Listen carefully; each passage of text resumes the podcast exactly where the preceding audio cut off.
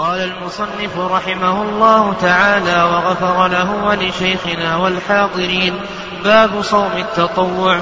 يسن صيام أيام البيض والإثنين والخميس وست من شوال وشهر المحرم وآكده العاشر ثم التاسع وتسع ذي الحجة ويوم عرفة لغير حاج بها وأفضله صوم يوم وفطر يوم. إن الحمد لله نحمده ونستعينه ونستغفره ونعوذ بالله من شرور أنفسنا ومن سيئات أعمالنا من يهدي الله فلا مضل له ومن يضلل فلا هادي له وأشهد أن لا إله إلا الله وحده لا شريك له وأشهد أن محمدا عبده ورسوله. اللهم صل وسلم وبارك على نبينا محمد وعلى آله وصحبه أجمعين. التطوع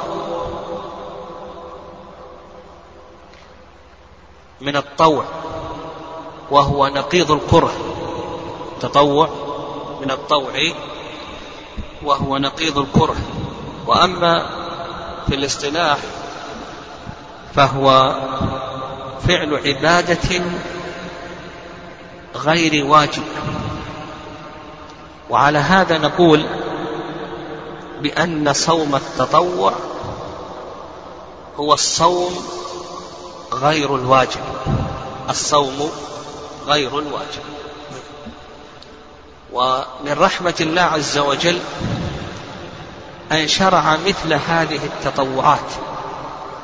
فهذه الأركان العظيمة والأصول الكبيرة أركان الإسلام شرع لها ما يماثلها من جنسها. تطوعات. تسد الخلل الذي حصل فيها.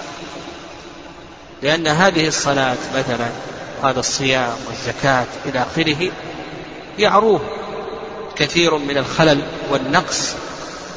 فشرعت مثل هذه التطوعات لكي تسد الخلل والنقص الحاصل في هذه الأصول.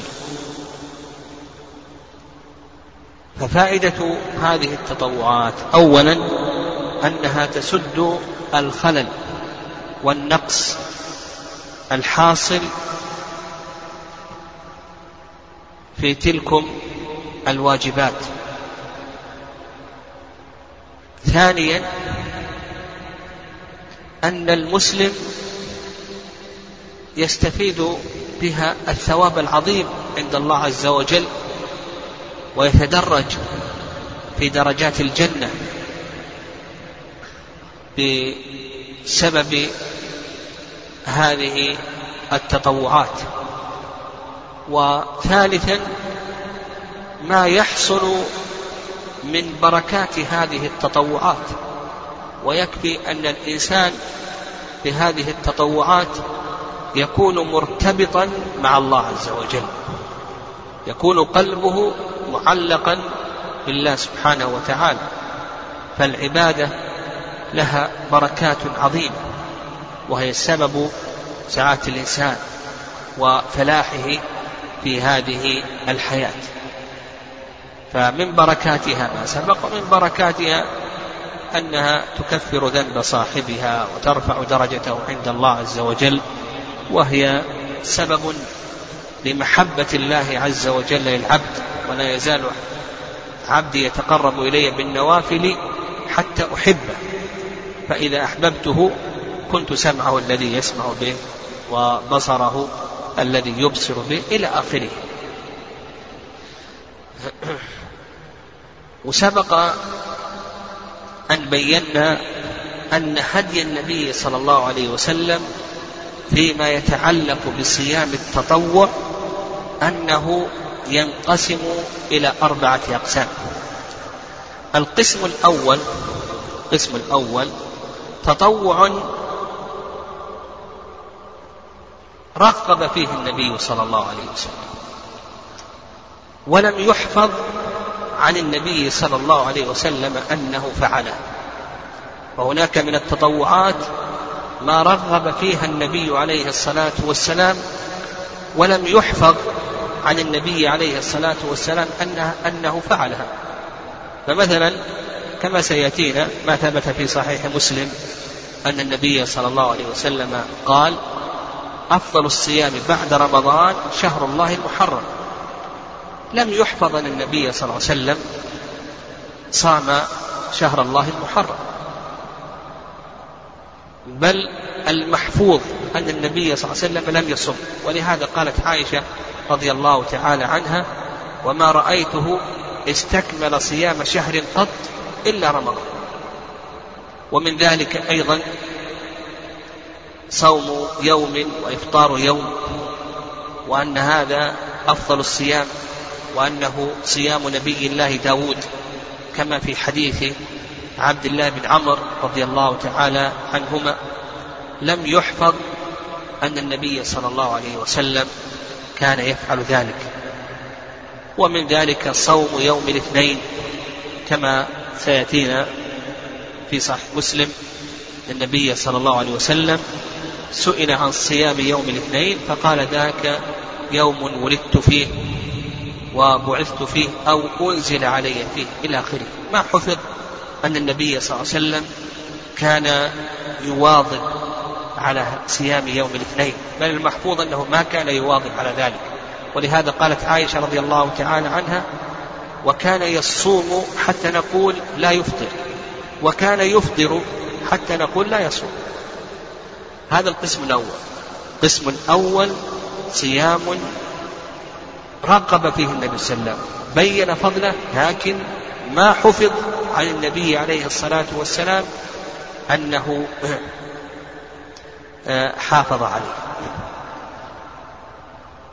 وبهذا نفهم أيضا أن من العبادات ما بينها النبي صلى الله عليه وسلم وبين فضلها إلى آخره ومع ذلك ما حفظ عن النبي عليه الصلاة والسلام أنه آه، حافظ عليها أو أنه فعلها عليه الصلاة والسلام كما في صيام شهر الله المحرم. القسم الثاني القسم الثاني صيام حافظ عليه النبي صلى الله عليه وسلم. وهو صيام ثلاثة أيام من كل شهر. صيام ثلاثة أيام من كل شهر هذا حافظ عليه النبي صلى الله عليه وسلم. ويدل لذلك حديث عائشة رضي الله تعالى عنها أن النبي صلى الله عليه وسلم كان يصوم من كل شهر ثلاثة أيام ولم يكن يبالي من أي الشهر يصوم. حيث عائشة في مسلم أن النبي صلى الله عليه وسلم كان يصوم من كل شهر ثلاثة أيام ولم يبالي من أي الشهر كان يصوم. فهذه الثلاثة الأيام كان النبي صلى الله عليه وسلم يحافظ عليها ولهذا جعلها بعض أهل العلم من السنة الراتبة للصيام. فكما أن الصلاة لها سنة راتبة فكذلك أيضا الصيام له سنة راتبة. القسم الثالث صيام أكثر منه النبي صلى الله عليه وسلم. صيام أكثر منه. النبي عليه الصلاة والسلام وهو شهر شعبان. تقول عائشة رضي الله تعالى عنها وما رأيته أكثر منه صياما في شعبان.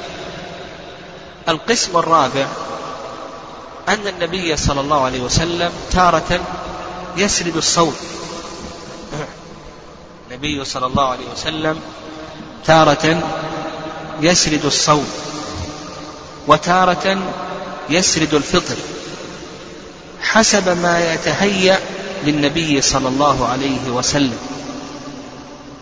فقد يتهيأ يتهيأ له الفراغ فيسرد النبي صلى الله عليه وسلم الصيام وقد لا يتهيأ له الفراغ وينشغل بأعباء الرسالة والدعوة والتعليم والإرشاد.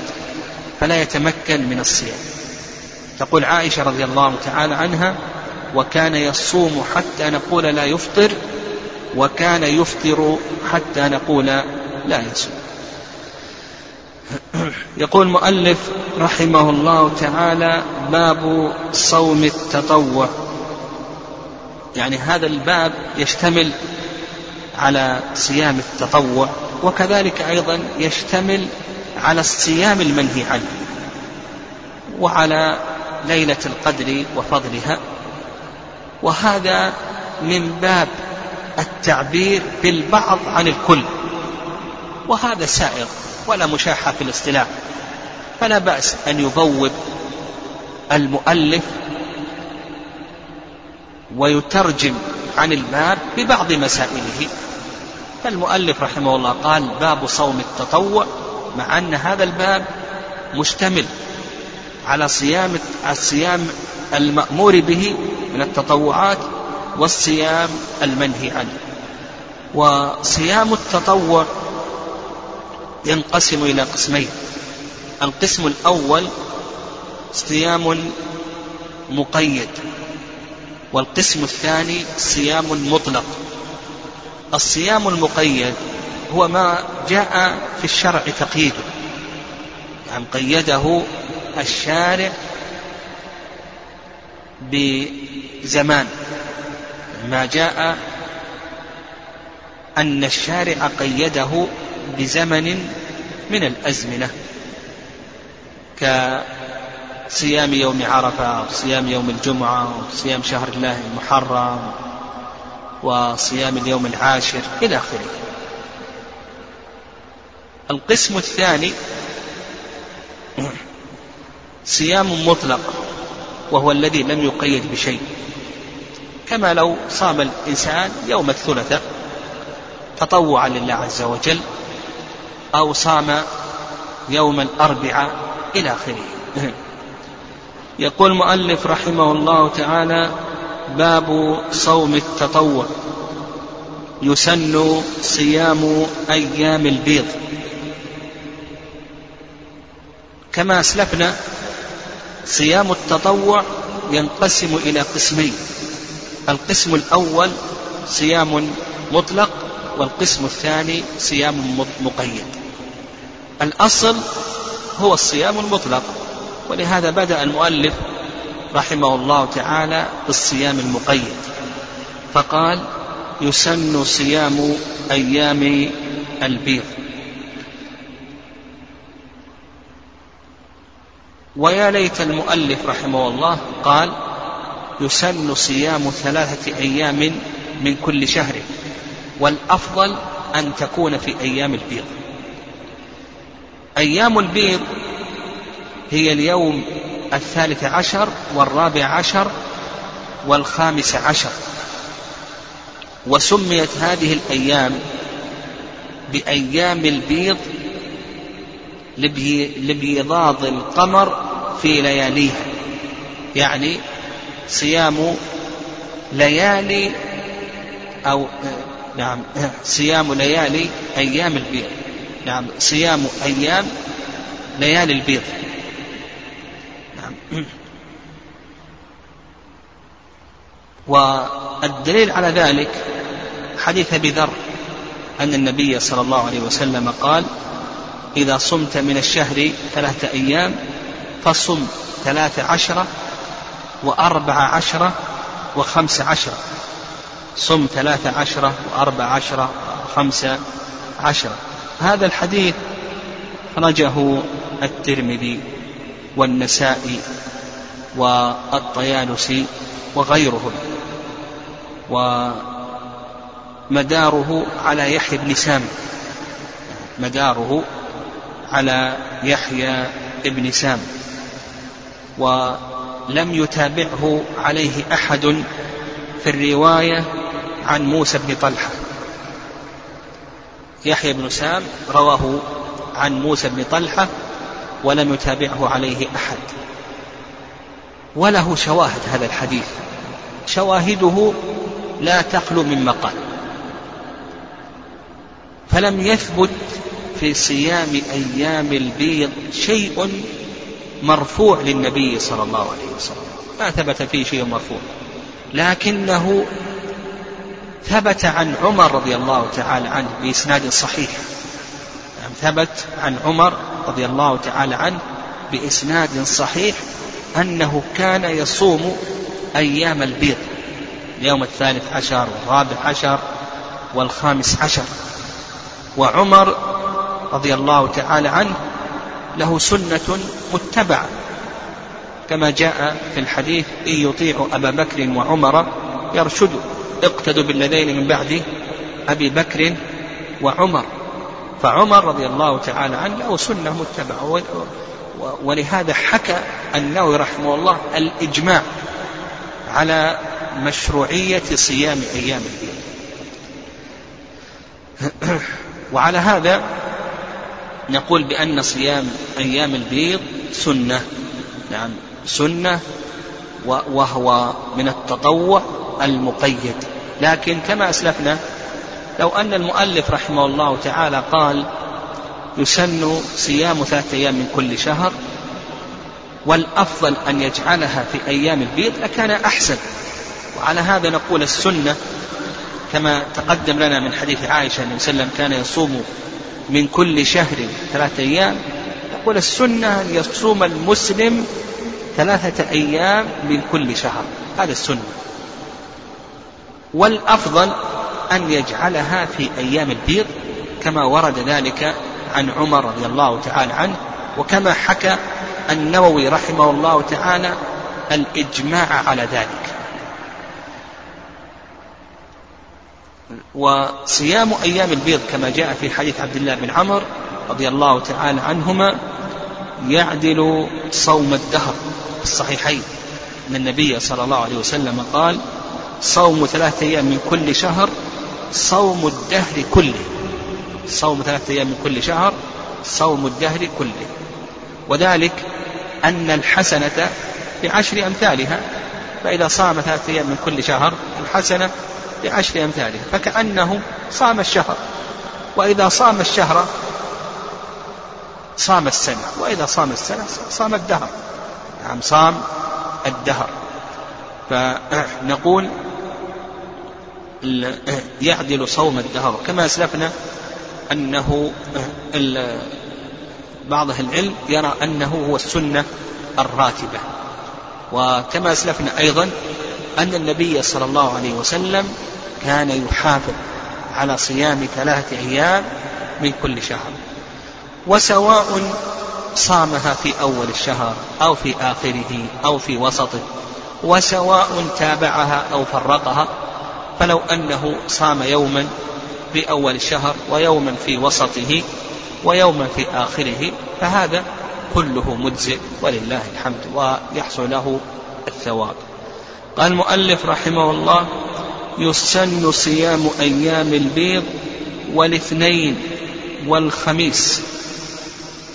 هذا النوع الثاني من من الصيام المقيد وهو صوم يوم الاثنين والخميس. ودليل ذلك حديث أسامة بن زيد رضي الله تعالى عنه. حديث أسامة بن زيد رضي الله تعالى عنه. أن النبي صلى الله عليه وسلم قال في يوم الاثنين والخميس هما يومان تعرض فيهما الأعمال على رب العالمين وأحب أن يعرض عملي وأنا صائم. أي أسامة بن زيد. هما يومان تعرض فيهما الأعمال على رب العالمين وأحب أن يعرض عملي وأنا صائم. هذا الحديث رواه أبو داود والنسائي والإمام أحمد وغيرهم وهذا الحديث ضعيف لا يثبت عن النبي صلى الله عليه وسلم. الذي ثبت في صحيح مسلم أن النبي صلى الله عليه وسلم سئل عن صوم يوم الاثنين فقال ذاك يوم ولدت فيه وبعثت فيه أو أنزل علي. هذا هو الثابت عن النبي صلى الله عليه وسلم. بل أشار مسلم رحمه الله في صحيحه مسلم أشار في صحيحه أنه أعرض عن آه، عن ما يتعلق بصيام يوم الخميس. وهذا يدل على تضعيف مسلم رحمه الله لحديث أسامة بن زيد رضي الله تعالى عنه. وعلى هذا نقول على هذا نقول ما يتعلق بصيام يوم الاثنين والخميس نقول الثابت عن النبي صلى الله عليه وسلم بالنسبة للصيام المقيد هو صيام يوم الاثنين. أما يوم الخميس فلم يثبت عن النبي عليه الصلاة والسلام فيه شيء. يعني شيء مرفوع للنبي عليه الصلاة والسلام لم يثبت فيه شيء مرفوع للنبي عليه الصلاة والسلام. قال والاثنين والخميس وست من شوال. وعلى هذا نقول بأن صيام يوم الاثنين هذا من التطوع المقيد. أما صيام يوم الخميس فيكون من أي شيء؟ ها؟ من التطوع المطلق. نعم من التطوع المطلق. قال وست يسن صيام أيام البيض. قال وست من شوال. أيضا هذا هو النوع الثالث. من الصيام المقيد. النوع الثالث من الصيام المقيد صيام ست من شوال. صيام ستة أيام من شوال. ودليل ذلك حديث أبي أيوب أن النبي صلى الله عليه وسلم قال من صام رمضان وأتبعه ستا من شوال فكأنما صام الدهر. من صام رمضان وأتبعه ستا من شوال فكأنما صام الدهر. وهذا الحديث رواه مسلم في صحيح. وجمهور العلماء على استحباب صيام ست من شوال. ودليله كما سلف من حديث أبي أيوب رضي الله تعالى عنه. أبو حنيفة رحمه الله تعالى لا يرى صيام ست من شوال وكذلك أيضا الإمام مالك يعني أبو حنيفة ومالك لا يريان مشروعية صيام ست من شوال. بل يكره عندهما ذلك ولهما دليلان على ذلك أما الدليل الأول فقالوا لئلا يظن وجوبها. نعم لئلا يظن وجوبها. قالوا لا تصام ستة أيام من شوال. لماذا؟ لئلا يظن الوجوب. وهذا تعليل عليل. هذا التعليل عليل جدا. لأنه يلزم من ذلك أيضا ألا تشرع السنن الرواتب نعم إذا قلنا بأن صيام ستة أيام من شوال لأنها بعد رمضان لا تصام لئلا يظن أن هذا واجب يترتب على ذلك أن نقول بأن السنن الرواتب أيضا لا تستحب ولا تشرع لماذا؟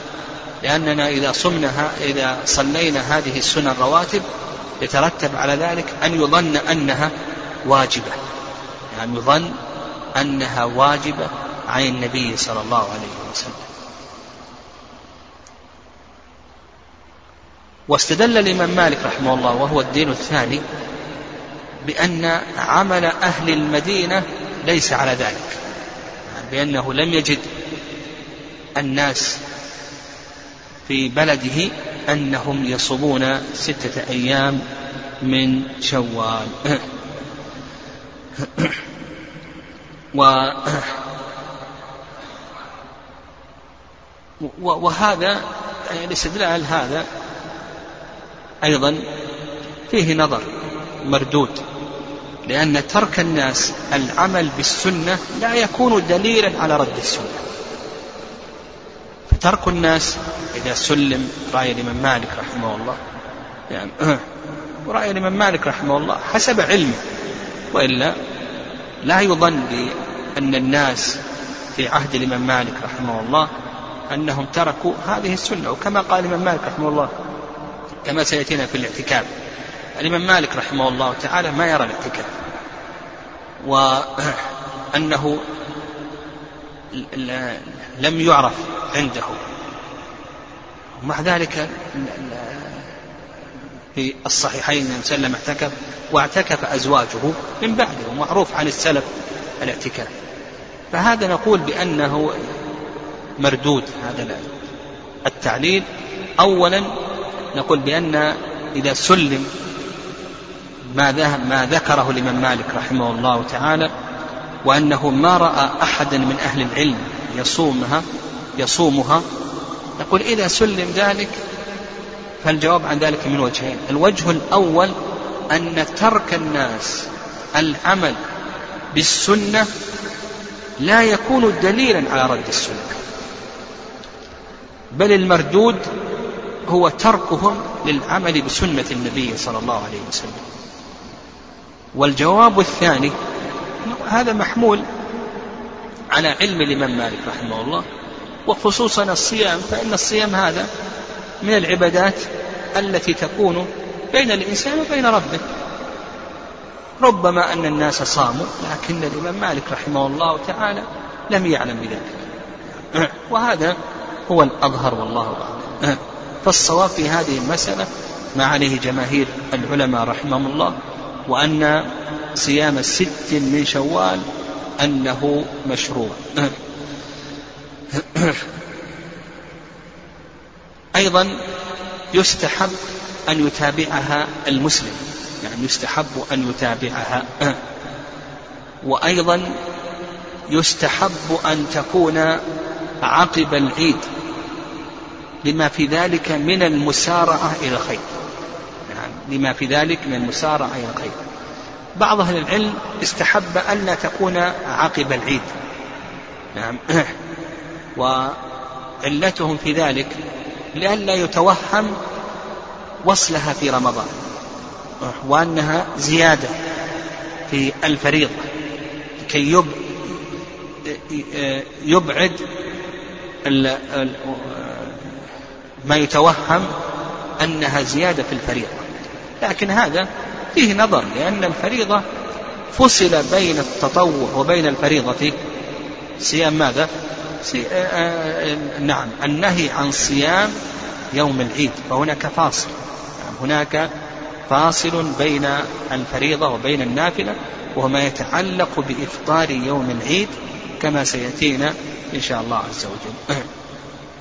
فالأفضل ما ذهب إليه الحنابلة أن السنة أن تتابع والسنة أيضا أن تكون عقب العيد مباشرة والعلة في ذلك أن هذا أسرع إلى الخير. قال المؤلف نعم. طيب. بقينا في مسألة أخرى وهي إذا كان عليه شيء من رمضان عليه قضاء شيء من رمضان فهل له أن يصومها؟ أو نقول لا بد أن يقضي أولا. الصواب في هذه المسألة أنه لا بد أن يقضي أولا. لقول النبي صلى الله عليه وسلم من صام رمضان وأتبعه ستا من شوال. قال وأتبعه ست قال صام رمضان. ومن عليه شيء من رمضان لم يقضه فإنه لا يصدق عليه أنه صام رمضان. فلا بد أن يصوم رمضان أداء وقضاء لأن قوله عليه الصلاة والسلام من صام رمضان يشمل صيام رمضان أداء وقضاء. نقول لا بد أن يصوم رمضان أداء وقضاء ثم بعد ذلك يصوم ستة الأيام من شوال.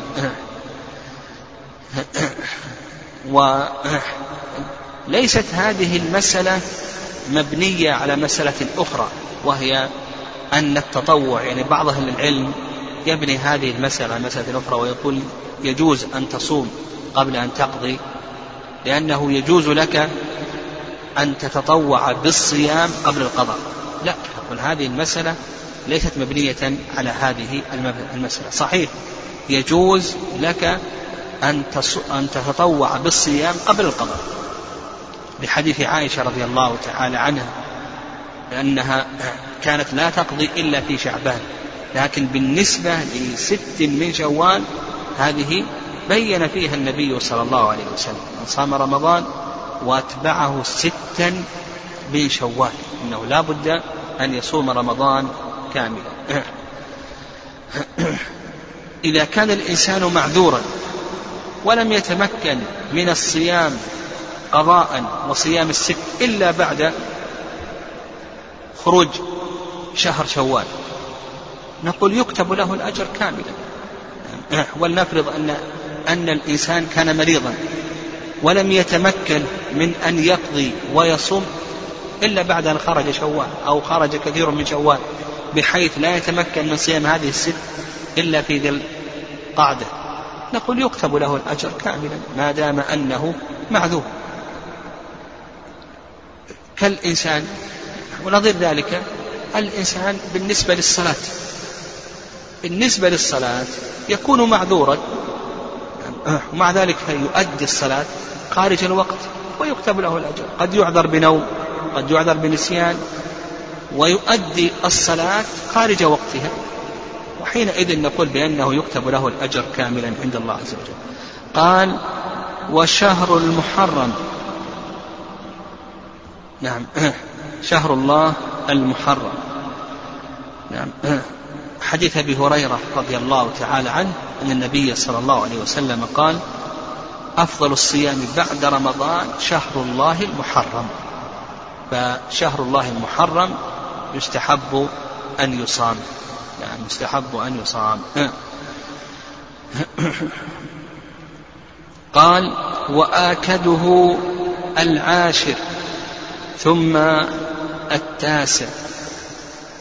أكده العاشر ثم التاسع يعني يوم عاشوراء نعم يوم عاشوراء هو آكد أيام شهر الله المحرم صياما. يعني إذا لم يصم شهر الله المحرم فلا يغلبن أن يصوم اليوم العاشر. ثم قال المؤلف رحمه الله ثم التاسع. فاليوم العاشر واليوم التاسع من الصيام المقيد. مع أن شهر رمضان مع أن شهر الله المحرم كله من الصيام ماذا؟ المقيد. نعم من الصيام المقيد. لأنه لأن هذا الصيام قيد بزمن كما سلف لنا. وصيام اليوم العاشر تحته مساء. صيام اليوم العاشر تحته مساء. المسألة الأولى نعم المسألة الأولى أن صيام اليوم العاشر سنة مؤكدة لقول النبي صلى الله عليه وسلم في يوم عاشوراء إني أحتسب على الله أن يكفر السنة التي قبله. إني أحتسب على الله أن يكفر السنة التي قبله. فهو صوم مؤكد وأنه سبب لتكفير ذنوب سنة كاملة من الصغائر. تسب على الله أن يكفر السنة التي قبله. طيب المسألة الثانية ما المراد باليوم العاشر؟ للعلماء رحمهم الله تعالى في ذلك قولان. القول الأول أن اليوم العاشر هو اليوم العاشر. يعني أن اليوم العاشر هو اليوم العاشر. بمعنى أنك تعد بعد دخول شهر الله المحرم فإذا جاء اليوم العاشر وهو اليوم العاشر الذي يستحب صيامه. ويدل لذلك الاشتقاق والتسمية. الاشتقاق والتسمية. الرأي الثاني أن اليوم العاشر هو اليوم التاسع. بمعنى أنك تعد بعد دخول شهر الله المحرم فإذا كان في اليوم التاسع فإنك تصوم اليوم التاسع. وهذا ورد عن ابن عباس رضي الله تعالى عنهما كما في صحيح مسلم. فإن ابن عباس رضي الله تعالى عنهما سأله الحكم الأعرج عن اليوم العاشر فأمره أن يعد. فإذا جاء اليوم التاسع أصبح صائما. أمره أن يعد. فإذا جاء اليوم التاسع أصبح صائما. والجواب عن هذا سهل. نعم الجواب عن هذا سهل. فيقال بأن مراد ابن عباس رضي الله تعالى عنهما توجيه الحكم إلى ما هو الأفضل. والأفضل أنك ماذا؟ ها؟ أنك تصوم التاسع مع العاشر. أنك تصوم التاسع مع العاشر بقول النبي صلى الله عليه وسلم لئن بقيت إلى قابل لأصومن التاسع. يعني مع العاشر. نعم مع العاشر. وكان صيام يوم عاشوراء كما تقدم لنا كان في أول الإسلام كان واجبا. نعم كان واجبا. ثم نسخ وجوبه برمضان. وأن النبي صلى الله عليه وسلم لما قدم المدينة وجد اليهود تصومه فسألهم عن ذلك. فقالوا إن هذا يوم عظيم نجى الله فيه موسى وقومه فنحن نصومه شكرا لله عز وجل. فقال النبي صلى الله عليه وسلم نحن أحق بموسى منكم فصامه وأمر بصيامه. طيب المسألة الثالثة يستحب أن يصام مع اليوم العاشر اليوم التاسع. مخالفة لليهود ولقول النبي صلى الله عليه وسلم لئن بقيت إلى قابل لأصومن التاسع. وكان النبي صلى الله عليه وسلم في أول أمره يحب موافقة أهل الكتاب. ثم بعد ذلك أحب مخالفة أهل الكتاب. طيب لو أفرد اليوم العاشر نعم لو أفرد اليوم العاشر واقتصر على صيام اليوم العاشر فقط فهل يكره ذلك أو لا يكره؟ نقول لا يكره ذلك. إذا أفرد اليوم العاشر فإن هذا لا بأس به. طيب فإن قيل فإن قيل فيه موافقة لليهود. يعني فيه موافقة لليهود. ها؟ أيوة. نقول فيه موافقة لليهود. متى تكون الموافقة منهي عنها؟ نقول بأن الموافقة يعني موافقة أهل الكتاب متى تكون تكون منهيا عنها؟ إذا لم يكن ذلك مشروعا في دينهم. أما إذا كان الشيء مشروعا في دينهم فإن موافقتهم ليست مكروهة. نعم ليست مكروهة. وصيام يوم عاشوراء مشروع في دين اليهود. نعم مشروع في دين اليهود. فإذا أفردته حتى ولو وافقتهم فلا نقول بأن هذا فيه موافقة اليهود وأن هذا منهي عنه إلى آخره لأن هذا الصيام أو هذه العبادة مشروعة في دينه. فنفهم متى تكون الموافقة منهيا عنها ومتى لا تكون منهيا عنها؟ تكون منهيا عنها إذا لم تكن هذه العبادة مشروعة في دينه. أما إن كانت مشروعة في دينهم فإنه لا يكون منهيا عنها. المسألة الأخيرة المتعلقة بصيام يوم عاشوراء. جاء في حديث أبي هريرة الأمر أن يصام يوما قبله. ويوما بعده هل يستحب صيام ثلاثة أيام إلى آخره؟ ذكر ابن ابن القيم رحمه الله المراتب. وقال بأن أعلى المراتب أن تصوم ثلاثة أيام يوما قبله ويوما بعده. والمرتبة الثانية أن تصوم يومين. يوما قبله آه، يومين يوم التاسع ويوم العاشر. والمرتبة الثالثة أن تفرده. لكن المرتبة الأولى هذه ليس عليها دليل. حيث الوارد في ذلك حيث أبي هريرة رضي الله تعالى عنه ضعيف. نعم رواه الإمام أحمد وهو ضعيف لا يثبت عن النبي صلى الله عليه وسلم. فنقول بأن هذه المرتبة ليست ثابتة عن النبي صلى الله عليه وسلم. يعني فإذا صامه يعتقد هذه المراتب وأن هذه المراتب لها أفضلية نقول بأن هذا غير صحيح. لكن لو صامه صام يوما قبله ويوما بعده إلى آخره على أنه يصوم من كل ثلاث من كل شهر ثلاثة أيام يعني هو له عادة أن يصوم من كل شهر ثلاثة أيام فنقول بأن هذا جائز ولا بأس به. قال المؤلف رحمه الله تعالى وتسع ذي الحجة. و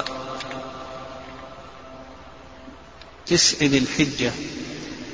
نعم. أيضا من التطوع المقيد وهذا هو النوع الرابع والخامس أن يصوم تسعة أيام من ذي الحجة. ويدل لذلك قول النبي صلى الله عليه وسلم كما ثبت في صحيح البخاري من حديث ابن عباس رضي الله تعالى عنهما ما من أيام العمل الصالح فيهن أحب إلى الله من هذه الأيام. قالوا يا رسول الله ولا الجهاد في سبيل الله؟ قال ولا الجهاد في سبيل الله إلا رجل خرج بنفسه وماله ولم يرجع من ذلك بشيء. فقول النبي صلى الله عليه وسلم ما من أيام العمل الصالح فيهن أحب إلى الله من هذه العشر إلى آخره أو من هذه الأيام العشر هذا يدخل في ذلك نعم يدخل في ذلك الصيام. فنقول من الأعمال الصالحة في أيام عشر ذي الحجة الصيام. فإن قيل ورد عن عائشة رضي الله تعالى عنها أنها قالت ما رأيت رسول الله صلى الله عليه وسلم صائما العشر قط. في صح مسلم تقول عائشة رضي الله تعالى عنها ما رأيت رسول الله صلى الله عليه وسلم صائما العشر قط. ها؟ كيف الجواب عن ذلك؟ نقول الجواب عن ذلك جوابان. الجواب الأول ماذا؟ ها؟ نعم طيب هذا جواب. الجواب الأول نقول ربما أن عائشة ما علمت لأن النبي صلى الله عليه وسلم لا يكون كل أيامه عند عائشة رضي الله تعالى عنها. ربما أن عائشة رضي الله تعالى عنها لم تعلم وخفي عليها. هذا الجواب الأول. ها الجواب الثاني.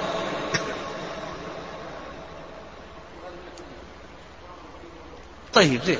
كما قلنا زين. أن هذا كما قلنا في هدي النبي صلى الله عليه وسلم في الصيام أنها أن النبي صلى الله عليه وسلم يرغب في الشيء ولا يفعله. ربما أن النبي صلى الله عليه وسلم رغب في الصيام إذا إذا فرضنا قطعا أن النبي صلى الله عليه وسلم ما صام.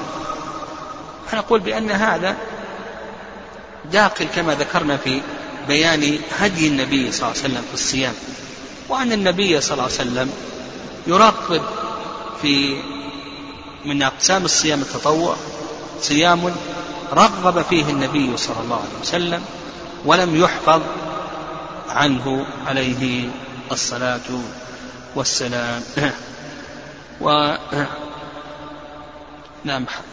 وقد جاء في حديث حفصة رضي الله تعالى عنها في مسند الإمام أحمد رضي رحمه الله. قالت لم يكن رسول الله صلى الله عليه وسلم يدعهن. أربع لم يكن رسول الله صلى الله عليه وسلم يدعهن. وذكرت صيام عاشوراء والعشر. صيام عاشوراء والعشر. وثلاثة أيام من كل شهر والركعتين قبل الغداء لكن هذا الحديث ضعيف. هذا الحديث ضعيف لا يثبت عن النبي صلى الله عليه وسلم. قال ويوم عرفة لغير حاج بها أيضا يقول المؤلف رحمه الله تعالى من الصيام المقيد صيام يوم عرفة لكن قال المؤلف رحمه الله لغير حاج بها فاشترط شرطين المؤلف. الشرط الأول أن يكون غير حاج. أما إن كان حاجا فإنه لا يشرع له أن يصوم. الشرط الثاني بها يعني في عرفة. نعم. فإذا كان يوم عرفة مشروع صيامه لكن اشترط ألا يكون حاجا. وفي عرفة. فإذا كان حاجا ها وهو في عرفة هل يشرع أن يصوم أو لا يشرع أن يصوم؟ نقول لا يشرع له أن يصوم. السنة أن يفطر كما هو هدي النبي صلى الله عليه وسلم. ويدل لذلك ما ثبت في الصحيحين من حديث أم الفضل رضي الله تعالى عنها أنها بعثت للنبي صلى الله عليه وسلم لبنا فشربه. يعني في يوم عرفة بعث النبي صلى الله عليه وسلم لبنا فشربه. وقد جاء في الحديث وإن كان ضعيفا أن النبي صلى الله عليه وسلم نهى عن صيام يوم عرفة بعرفة. وعلى هذا غير الحاج. نعم هذا غير الحاج نقول بأنه يشرع له أن يصوم. كذلك أيضا لو كان حاجا لكنه خارج عرفة يصوم أو لا يصوم ها؟ نقول يصوم لأنه قال لك لغير حاج بها فلو كان حاجا وهو في مكة وهو في مكة. على كلام المؤلف رحمه الله يصوم أو لا يصوم؟ يعني يصوم لأنه ربما أنه ما يقف إلا بعد غروب الشمس. يعني لا يقف إلا بعد غروب الشمس لأن وقت الوقوف بعرفة يمتد إلى طلوع الفجر من يوم النحر. ودليل ذلك حديث أبي قتادة أن النبي صلى الله عليه وسلم قال في صيام يوم عرفة أحتسب على الله أن يكفر السنة التي قبله والسنة التي بعده أو مسلم. قال وسلم في يوم عرفة أحتسب على الله أن يكفر السنة التي قبله والسنة التي بعده. قال رحمه الله وأفضله صوم يوم وفطر يوم. يعني أفضل صيام التطوع صوم يوم وفطر يوم. وهذا أيضا من الصيام المقيد. نعم هذا أيضا من الصيام المقيد. ودليل ذلك حديث عبد الله بن عمر رضي الله تعالى عنهما وأن النبي صلى الله عليه وسلم أمره بذلك لما كان يسرد الصوم وأخبره أن صيام يوم وإفطار يوم أنه صيام نبي الله داود وأنه أفضل الصيام.